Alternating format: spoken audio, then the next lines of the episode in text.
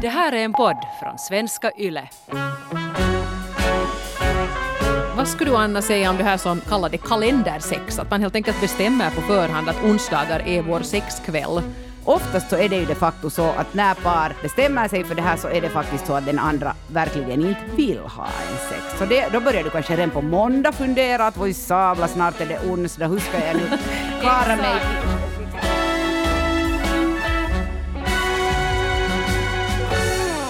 Upplever du att din sexlust emellanåt låter lite så här? lite, lite, lite knaggligt. Kära hjärtanes. Ja, det där mikrofonstativet har nog inte fått till det på länge på, på det sättet. Nej. Ja, vi ska prata om olust i relationspodden idag. Eftersom det ju faktiskt är ett, eh, ett fenomen som är väldigt, väldigt vanligt i vårt samhälle, men som vi kanske inte pratar om så hemskt ofta, för att det är på något sätt jag menar, sex ska man ju ha. Det är ju kul. Ja, och man ska vara en modern människa och man ska vilja och man ska vara lite sexig och lite på gång hela tiden. Men, men det är inte alltid kanske som man känner sig så himla sexig eller, eller har lust överhuvudtaget. Eller man kanske tycker att ens partner egentligen är ganska äcklig och jobbig. Sen man, tror jag att väldigt många av oss också går och tror att alla omkring oss har sex mycket oftare än vad vi har där hemma. Mm. Eh, Eh, så är det knappast om man tittar lite på statistiken. Eh, och just det här med lust och olust i långvariga förhållanden så ser jag här att eh, 42 procent av finländska kvinnor i relationer eh, ofta upplever att de inte känner sexuell lust.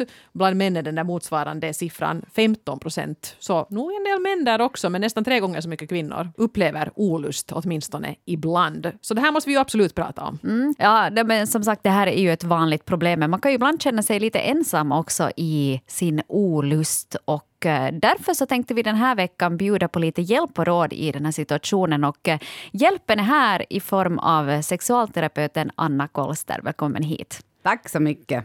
Hörde, jag måste ju fråga dig att när folk, eller kanske då fram, framförallt par, söker sig till din mottagning, hur ofta är det lust som de på något sätt vill diskutera med dig? Jag skulle säga att i 95 procent av fallen, kanske till och med mera, det är det alltså allra vanligaste bekymret som par kommer med när de söker sig till en eh, parterapeut eller sexualterapeut enligt min erfarenhet och också mina kollegors faktiskt. Och vad är det vanligaste scenariet då? Vad är det som, som du vill prata om? Alltså i början när jag började jobba med, som sexualterapeut eh, så var det oftast kvinnan eh, som hade mindre lust om det då var ett heteropar. Nu för tiden så skulle jag säga att det är ganska långt 50-50 eh, som söker sig. Alltså när ett par kommer till mottagningen så är det ungefär 50 procent där då mannen vill mindre och 50 procent där kvinnan eh, vill mindre. Jag har också samkönade par och här är det ju såklart då någondera som, men, som vill ha mindre sex än den andra. Men eh, de kommer ju så att säga till min mottagning då när det har blivit någon form av ett problem som de känner att det här kan vi inte lösa och det kanske har dragit ut på tiden. Och den ena i relationen åtminstone så lider av det. Precis, man vill olika mycket helt Ja. enkelt. Jag tycker det är intressant det där som du säger Anna, att, att det är också männen som inte vill. För oftast brukar man ju måla upp männen som de här passionerade älskarna som alltid vill ha sex. Medan kvinnan är den som vet du, sitter med benen i kors och har kyskhetsbälte på och inte vill eh, ha sex eller sen bara använda det som någon typ av maktmedel. Och det tror jag kanske är en ganska tröstande tanke också för alla män där ute som kanske känner att den här lusten att den har, den har farit och att jag vet inte hur jag ska få den tillbaks. Jo, jag tycker jag är själv jätte, jätteglad över att eh, par vågar söka sig till mottagningen. Där, där, och sådana par också där det är mannen som känner mindre lust och att man känner sig på något sätt tillräckligt trygg för att komma och prata om det. För att jag tror att det här är ganska långt en lika vanlig grej hos eh, män och kvinnor. Men du har helt rätt att den här myten att eh, mannen som alltid vill och alltid är färdig och kan, så lever nog ännu kvar i vårt samhälle. Och därför så upplever jag att att det där att det ofta är kanske lite känsligare att gå igenom på något sätt. Man måste ofta säga det här att, hej, att det är ungefär 50-50 av män och kvinnor som känner att de inte har lust att ha sex i sitt förhållande. Att du är inte ensam om det här. Att jag tror att det är jätte, jätteviktigt för män att höra det. Tidigare var det också så tyckte jag att oftast att den som saknar lust eller hade mindre lust i ett förhållande så blev ofta skickad liksom på mottagning för att då bli, det här skulle fixa sig. Just det, den som saknar lust är den som Precis. ska liksom åtgärda det. Precis, och då ska, det, eh, då ska man komma och fixa det. Fortfarande är det emellanåt så att, att det bara den ena parten kommer. Men jag brukar nog alltid uppmuntra att komma tillsammans. Ja. För att det är nog mycket, mycket lättare att bena ut vad det handlar om, om båda parterna i ett förhållande är på plats. Men det är ju intressant det där som, som ni sa, att det här med män som inte har lust, det känns lite sådär skämmigt och lite tabubelagt. Och en sak jag också har funderat på är att det här med kvinnor och sexualitet, det här är ju ett annat tabu som är på väg att försvinna och det tycker jag är jättebra. Att jag menar, det är inte mera på något sätt konstigt att en kvinna är, är kåt och har en sexualitet och vill ha mycket sex och så här. Och jag menar, ska man riktigt gå till extremfall så är det liksom Cardi B och Wet Ass Pussy och liksom hela det här med yeah, här kommer vi och vi kan också. Och det där tycker jag är jätte, jättebra. Men jag kan också tänka att att om man sen är en kvinna som nu faktiskt tycker att det där sex skulle jag nog klara mig ganska bra utan, så blir det ännu mera press på nu när det är sådär att åh, kvinnor får också vara kåta. Så där har vi liksom ett annat, där kommer ett helt nytt tabu sen. Ja, det blir kanske då att, att kvinnan blir också i princip lyft på samma, på samma ställe som mannen har varit tidigare. Att man ska vara kåt och det hör till och man ska alltid vilja och så vidare. Vilket ju inte alls stämmer. Och kanske det som jag tycker nu är viktigt att komma ihåg.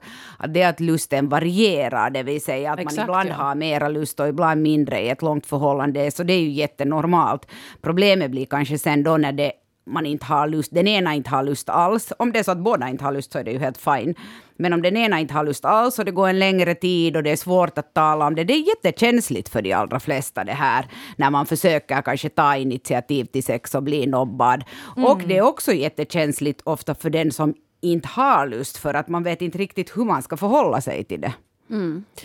Uh, ännu om det här med, med skillnader mellan män och kvinnor. Eh, om man tittar på statistiken, till exempel nu på den som man alltid tyr sig till, den här stora Finsex-undersökningen med material från 2015, alltså relativt nytt material.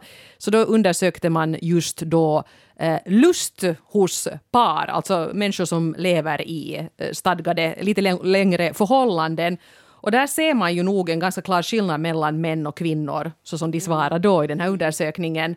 Att det här med kvinnor, i början är det kanske lite jämnare när man är där i 20-årsåldern kan man tycka att ja, att sex det kan man ju ha kanske sådär 15 gånger i månaden eller vad, vad man snittar på där. Och sen börjar det ju sjunka, men det sjunker brantare för kvinnor. Och att kvinnor uppger att nå, en gång i veckan skulle vara helt okej, medan männen nu är där någonstans på två gånger i veckan. Och så går det mer och mer isär, liksom, ju äldre de blir. Kanske det som jag tänker relaterat till det här som jag ser en del av är de här eh, småbarnsåren. Så då tycker jag att det vad jag ser helt klart är att då sjunker plötsligt den här kvinnans lust, vilket jag kan eh, förstå för att man är kanske fullt upptagen med barnen, graviditeter, amning och annat. Och överlag kanske man är hemma med barnen och, och håller på där hemma. Och då brukar mannens lust hållas ganska konstant. Men hittar man inte där tillbaka på något sätt i det här att hur ska vi få vårt sexliv att funka igen? Eller hittar, hittar man inte den där lusten liksom efter de här barnen utan blir fast på något sätt i den här mammarollen eller något visst sexuellt mönster där. Så då kan det hända, tror jag, att man lätt börjar glida från varandra. Att problemet är inte de här svackorna, utan problemet är den här, när, när så att säga den här relationen börjar, när man blir mera liksom fjärmade från varandra och inte talar om de här sakerna och kanske inte mer ens försöker ha sex för att man känner att man inte vill bli nobbad eller att den andra har ju ändå alltid huvudvärk eller någonting annat. Och Jag tänkte på det här att då, då, då liksom lusten falnar om man inte har sex. Så är det enligt din erfarenhet, handlar det om just det där själva sexet eller handlar det om någonting annat? För det brukar ju sägas emellan att, att folk använder sex som ett maktmedel. Till exempel att man straffar sin man som går till jobb, sitt spännande jobb medan man själv hasar omkring i mjukisbyxor och man därför inte lättar. eller något sånt här. Att, att, vad tycker du? att Är det just det här att man bara inte känner åtrå till just den här fysiska kroppen eller är det något annat som ligger Eh, där i bakgrunden? Ja, jag skulle säga att det oftast ligger det något annat i bakgrunden. Inte alltid, men oftast så är det inte. Och det är därför som kanske problemet för oss uh, som jobbar med det här, så vi ser de här paren som kommer sen när den ena inte har haft lust i tre år, i sju år, i någonting sånt här. Så då ligger där en många saker under. Det är konflikter. Jag har blivit nobbad nu i tre år och, och den andra vänder alltid ryggen och jag känner mig jätteoattraktiv och, och så vidare. Då finns här redan ett helt bagage att reda ut. Att det handlar handlar sällan bara om sex, utan det handlar kanske om att man inte blir sedd av sin partner. Man känner att ens partner inte tar kontakt på det sättet att liksom, så att säga man, man skulle bli villig. Sen kanske det är bra att säga här att vi har också olika former av lust. Det finns spontan lust, det vill säga en sån här lust som växer i, i mig själv, bara av att kanske jag ser något trevligt på en film eller jag tänker på sex eller någonting sånt här. Det här är i regel vanligare hos män här är nu inte något svartvitt, mm. men, men så här. Och sen finns det responsiv lust som väcks eh, i den här, när man börjar kanske ligger och kramas eller man är tillsammans med den andra. Och det här är lite vanligare igen hos kvinnor. Mm. Så att det här, det är ju också kanske, det att man inte känner nödvändigtvis spontanlust gör ju ingenting om man ändå sen när man så att säga är tillsammans tycker att, att då vaknar den här lusten till liv. Men är det en massa konflikter där under så blir de flesta kanske snarare irriterade när den andra försöker och då, finns, då vaknar inte den här responsiva lusten heller. Mm. Vi har ju fått in en massa brev som alltid så vi ska försöka hinna med, med några stycken här. Och, och om vi skulle till exempel börja här med signaturen Annie, 38 eh, år, som skriver så här. Jag har ingen sexlust längre och har egentligen alltid haft väldigt lite lust. Jag tycker faktiskt ofta att sex är rätt kladdigt och äckligt. Jag har sex ibland mest för att min man ska vara nöjd. Jag älskar min man och vill inte skilja mig. Så trist, ja visst, men jag har vant mig. Mm. Vad skulle du, Anna Kolster, säga om ja. ett sånt här upplägg?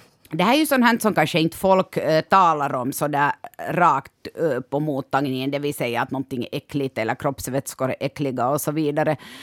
Men det där, äh, jag känner nog på något sätt igen det här, har liksom hört eh, folk tala om att på något sätt att man har kanske obehag för hela det här sexet. Här är det som kanske gör mig mest ledsen, är det att jag tänker att Eh, jag tycker att var och en skulle kunna ha möjlighet att hitta sin egen sexuella potential. Att du kan inte, i ett sånt här fall när jag tänker att man har inte lust och man tycker att det är lite äckligt, så överlag liksom på något sätt att njuta av sin egen kropp. Här skulle jag vilja redan liksom, om den här, eh, om jag skulle träffa den här personen på min mottagning så skulle jag liksom börja med den här personen själv. Att har du någon gång haft sexuell lust? Har du njutit av att ha sex med dig själv? Liksom för att vår kropp har ju en enorm potential till sexuell njutning. Och på något sätt så tycker jag alltid att det är lite synd om man är färdig att slänga bort den här möjligheten helt och hållet. Och, och det där, där tänker jag att jag tror att om man på riktigt känner att man har ingen lust alls, så är det ju såklart också helt okej. Okay. Uh, om man är i en relation uh, så måste man ju då fundera att hur ska man lösa det här om ens partner har lust att ha sex. Men främst så tänker jag på något sätt här att, att njuta, har du någonsin njutit av sex? Är det en sån grej som just nu i ditt liv bara känns som jätte, uh, liksom inte alls aktuellt och man är busy med allt möjligt annat, men på något sätt så tycker jag att det är jättesynd för att det är en helt gratis njutning som, är, som alla människor har möjlighet till. Mm. Ett billigt och bra nöje skrev Precis. någon till oss här. Mm. Ja. Men, där, men där också så tror jag att det är ganska viktigt det där om det är äckligt och, och kladdigt mm. och så här. Och det kanske är lite äckligt och kladdigt enligt vissa. Men där kan man ju också vet du, dra sitt eget strå till stacken. Att fast jag tänker att hennes man då, vet du, att se till att du är ren och mm. fräsch och har en mm. god andedräkt. Vet du, bara mm. sådana helt enkla mm. saker så kan ju vara väldigt avtändande. Att om mm. någon är lite skitin så kanske hon tycker att det är ännu värre. Mm. Men den andra kanske tycker att om det, det är bara bra om du är lite skitin. Mm. Att det, det är mm. bättre så att, men att om man vet att man har en ganska, mm. att man är ganska känslig för det här, just att det kan mm. vara lite äckligt, så då kan man ju försöka vara lite mer steril på något vis i sin uppenbarelse. Och kanske duscha före båda två, så att man åtminstone inte behöver fundera på det, att har man gått i samma underbyxor eller kalsonger hela dagen, så att nu finns det ju saker man kan göra åt det här. Sen har man jätteobehag till exempel för någon kroppsvätska så kan man ju använda, om det nu tänker jag sädesvätska och det är man så kan man ju använda kondom. Så har man inte den här vätskan överallt. Mm. Eh, vad skulle du Anna säga om det här som, som jag vet att en del eh, brukar ty sig till, vad man ska kalla det kalendersex, att man helt enkelt bestämmer på förhand att onsdagar är vår sexkväll Eh, och då är båda inställda på det för att det nu ska bli av. Ouch!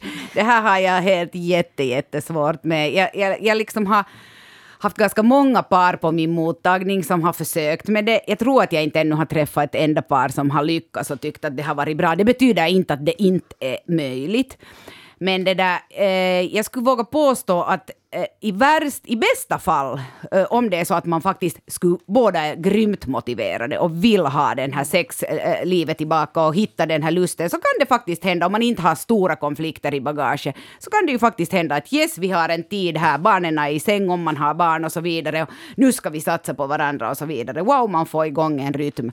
Oftast så är det ju de facto så att när par bestämmer sig för det här så är det faktiskt så att den andra verkligen inte vill ha en sex. Så det, då börjar du kanske redan på måndag fundera att voi sabla, snart är det onsdag, hur ska jag nu klara mig, till, liksom, och vad ska jag göra sen Jag tänker jag kanske att det där är en bättre lösning för de som har svårt att få till de där praktiska omständigheterna. Mm. Att lusten finns där men att båda är så här att uh, klockan Ja. är kvart i nio, nu ska vi natta barnen och jag, ska, jag tänder ljusen.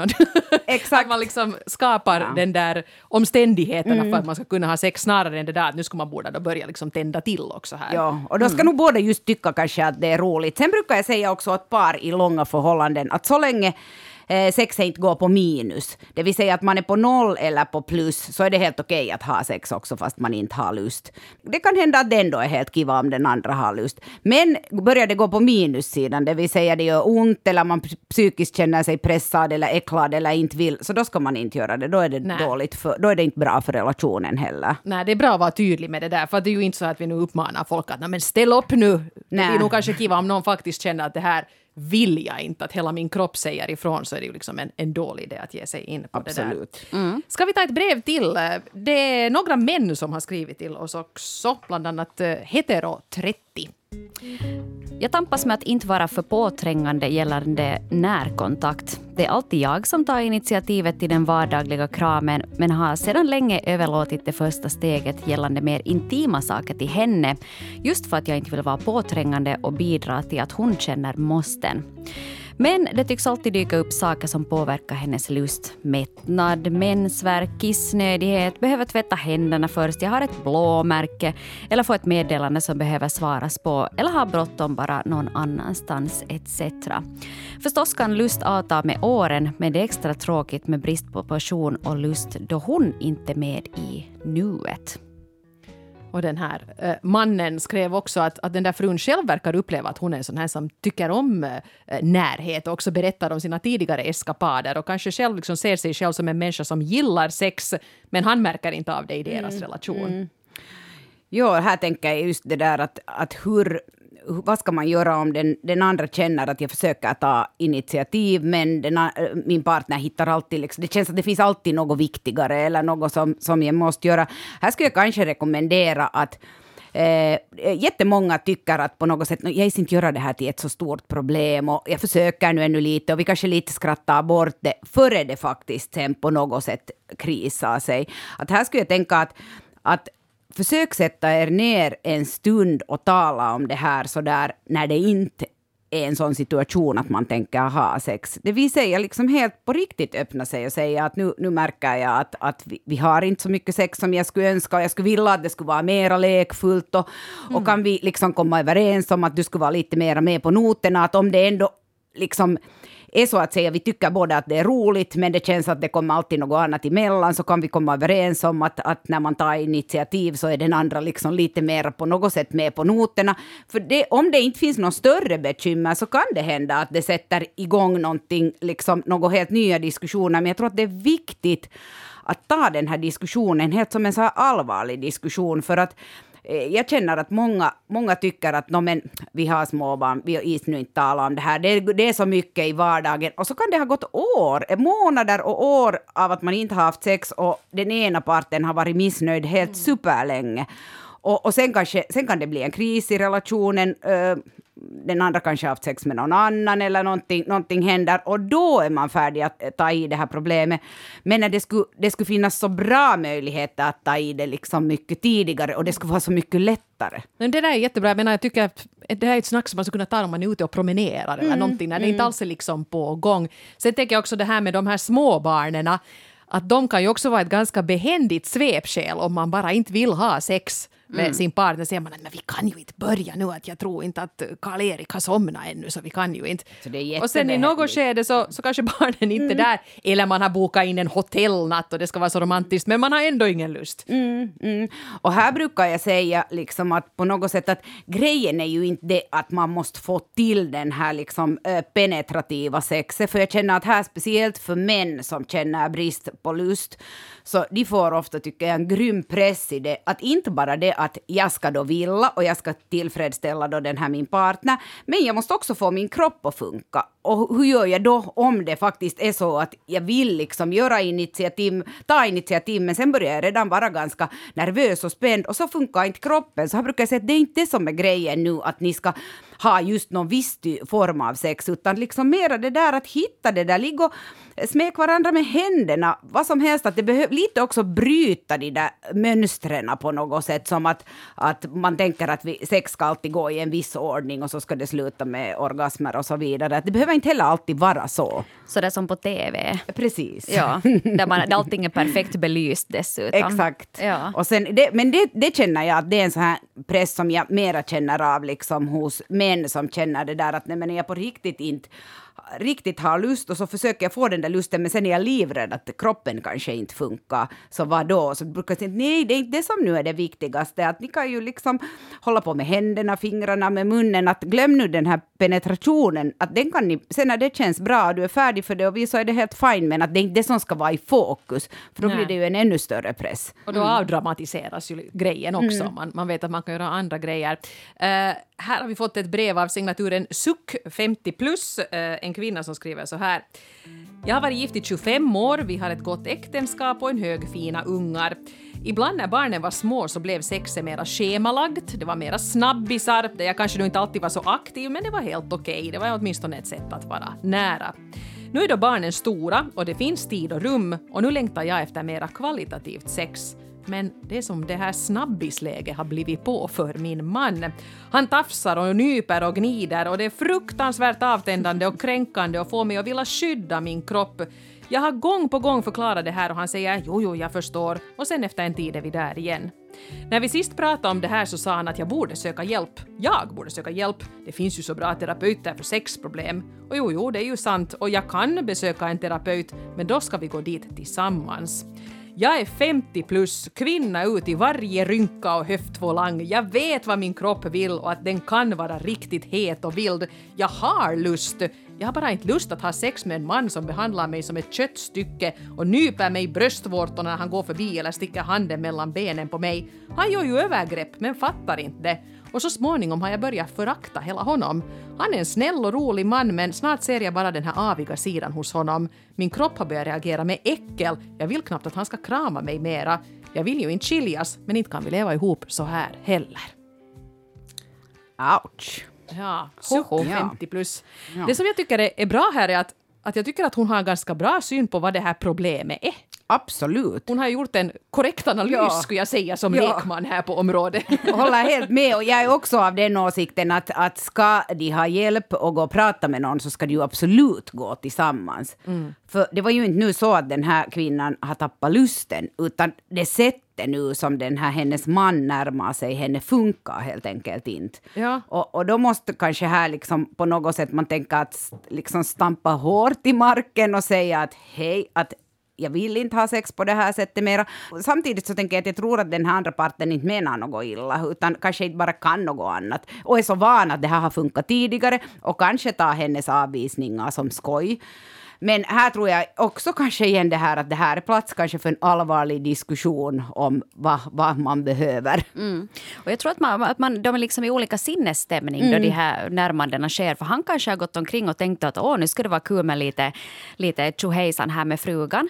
Medan hon kanske står och, och vet du, betalar räkningar på sin mobil samtidigt och så får hon en hand i skrevet. Att det är klart att man upplever det då som att ett påhopp eller ett, ett övergrepp av någon. För att hon är inte alls i den sinnesstämning. Att hon funderar att hur, ah, ja, det här måste ju också betalas. Medan han kanske har liksom kommit in i stämning redan.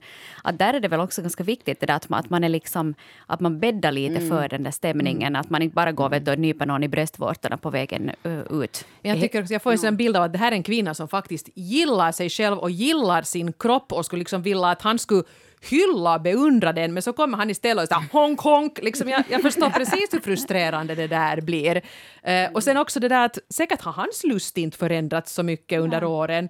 Och därför ser han inte sin del i problemet, utan han tycker att det är hon som inte är lika sugen längre, så det är hon som borde gå till terapeuten. Jo, och här tycker jag att det stämmer precis som ni sa, att här, och här är det ju kanske viktigt att veta ändå att kvinnor, kvinnor och män fungerar lite annorlunda. Att för män, så det att så att säga bli färdig för ett samlag kan ta liksom två till tre minuter och du har full erektion och kroppen är liksom man är färdig att stoppa in den.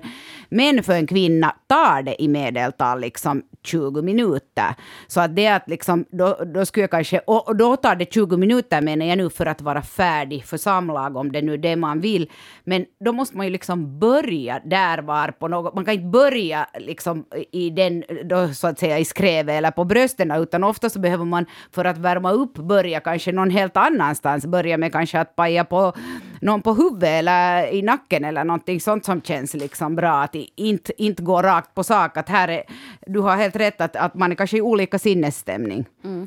Och jag tänker att det finns liksom en risk i det där att om man har varit tillsammans i 25 år, man vet vad den andra går igång på, man har alla knappar och rattar och man vet liksom var Han man ska tror trycka. åtminstone. Han, Han tror är där och trycker ivrigt, men det nej, blir ändå fel. Ja, men kanske också lite under det här, eller jag tänker också småbarnsåren, att man kör de här snabbisarna och att man liksom snabbspolar förspel så kör man bara rakt på för att det nu ska has lite sex det är det här. som omständigheterna tillåter. Ja, och sen liksom så, så skippar man det här att man går rakt på de här tricksen som man vet att funkar och, och liksom att man glömmer helt bort att man tar det som de brukar säga, vet du, den, den långa vägen. Och, och, det, och, och kanske den andra inte är jättespännande om man har haft sex i 25 år så är det inte att man går på en sån här utforskande resa.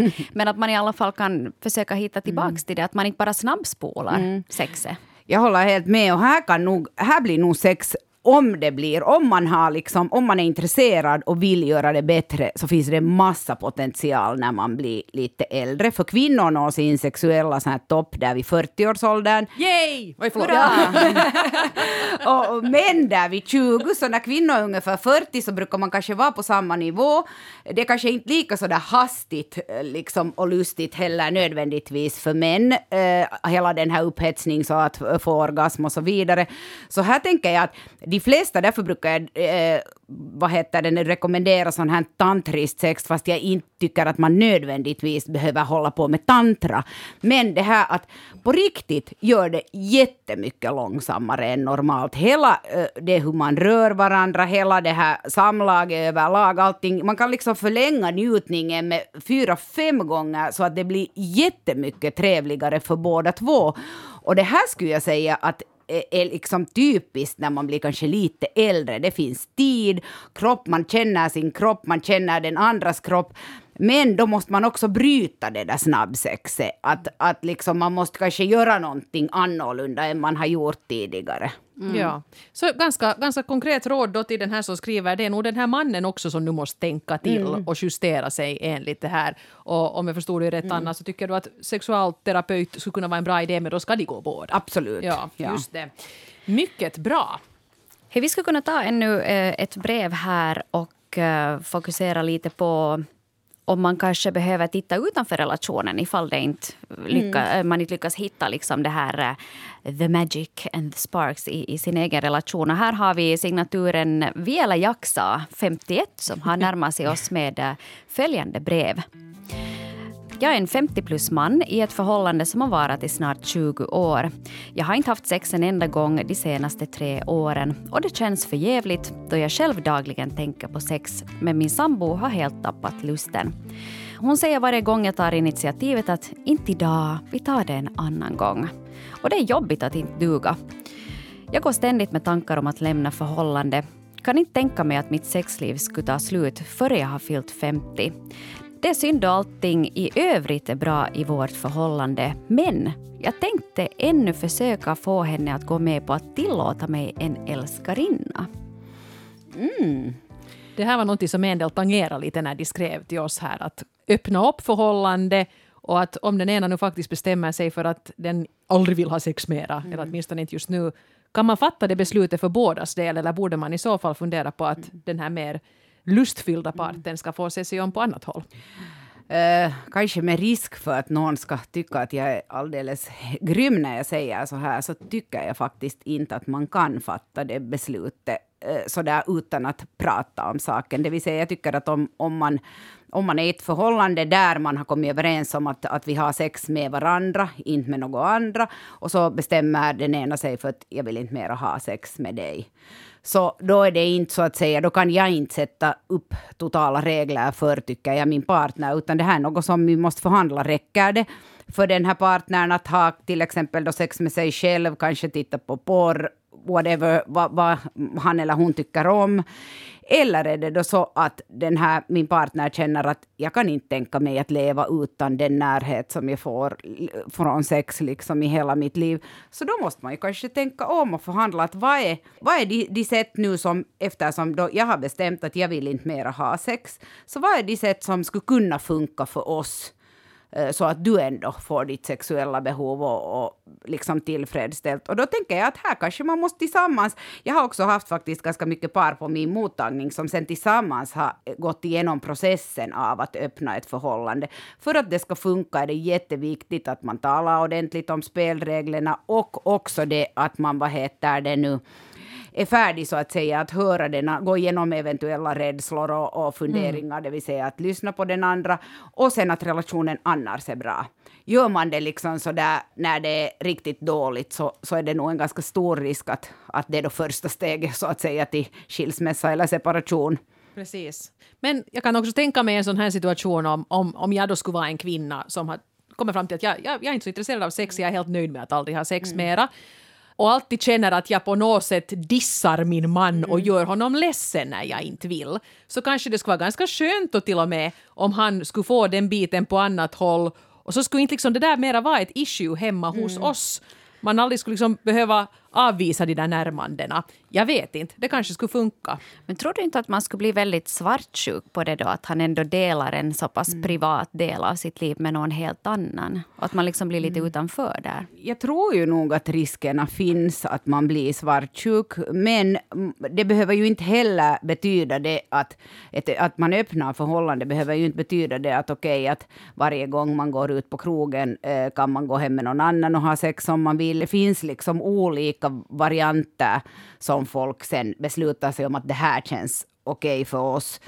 Så att det behöver inte liksom betyda att nu är vår relation öppen, nu kan man göra vad som helst, utan att okej, okay, det här kan vi testa. Och sen äh, märker man till exempel att okej, okay, att, att det där att nu har min partner en älskarinna och det känns att han vill hellre vara där än hemma, så då måste man ju ta den här diskussionen på nytt.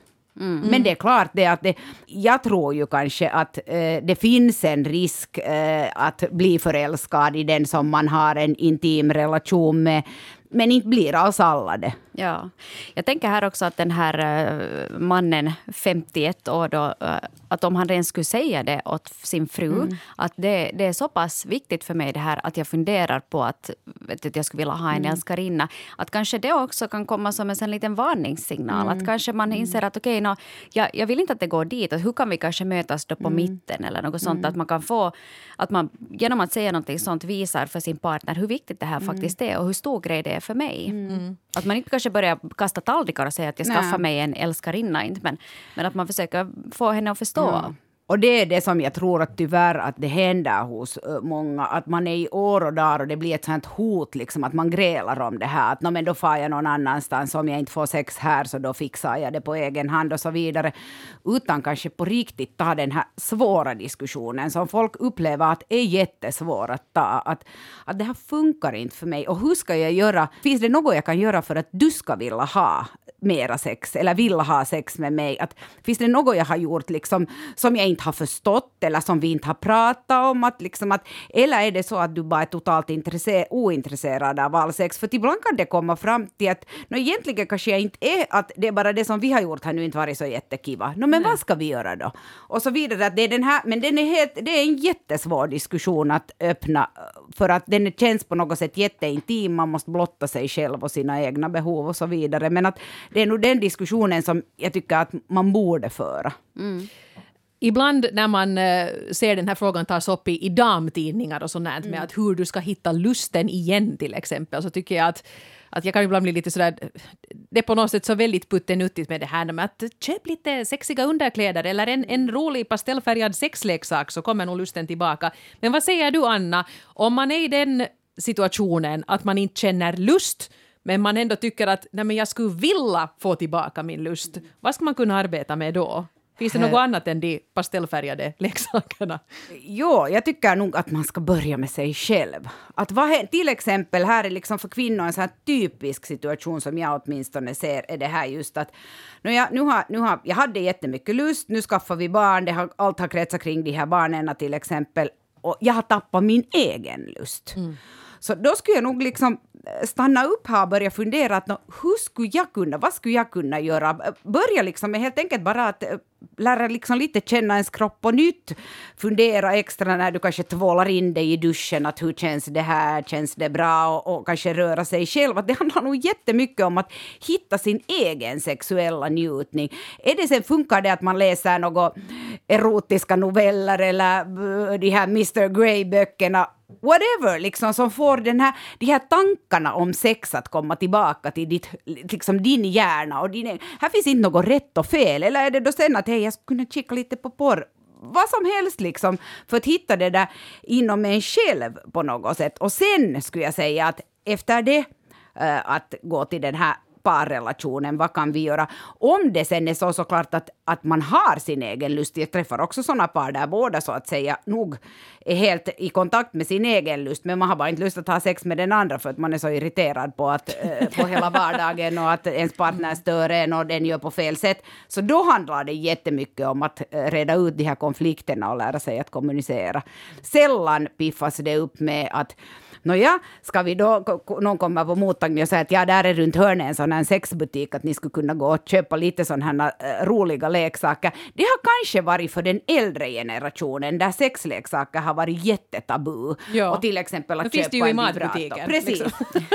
att, att jag tycker att Var liksom... köper du din mat, Eva? Hör du en sån där stor kedja med ett grönt kort som man kan visa ah. upp. De har. Mm. Ja, ja. Mm. Så att jag tycker att de här yngre liksom, eh, så vet redan att det är helt okej att man kan gå och köpa en vibrator, man kan ha det ena och det andra och det är inte liksom så tabu att det är inte något sånt här att wow, vi får nu något nytt här in i vårt sexliv för de flesta. Utan, och, och sen det där, så då tänker jag att det är viktigare kanske att, att tala om att vad är liksom grejen där under. Ja, så för den moderna människan är inte ett raffset lösningen nödvändigtvis. Nej, nej. nej, men det där är jättebra. Det är, ju, det är ju säkert aldrig någonsin fel att försöka arbeta lite på sin egen lust oavsett vilka omständigheter mm, man har. Det, alltså absolut. Mm. Och, och, sen tycker jag nog måste jag säga att fast nu inte raffset är kanske lösningen så nu kan man ju titta igenom den där, mera? Jag, kan man ju titta igenom den där underklädeslådan också att om du har i de samma underbyxorna med hål i som du köpte liksom för 13 år sedan så kanske du kan hiva bort dem och köpa lite nytt. Inte tror jag att det skadar heller. Nej, och kanske sen det som, det var bra Hanna det där vad du sa, kanske att sköta om sig själv.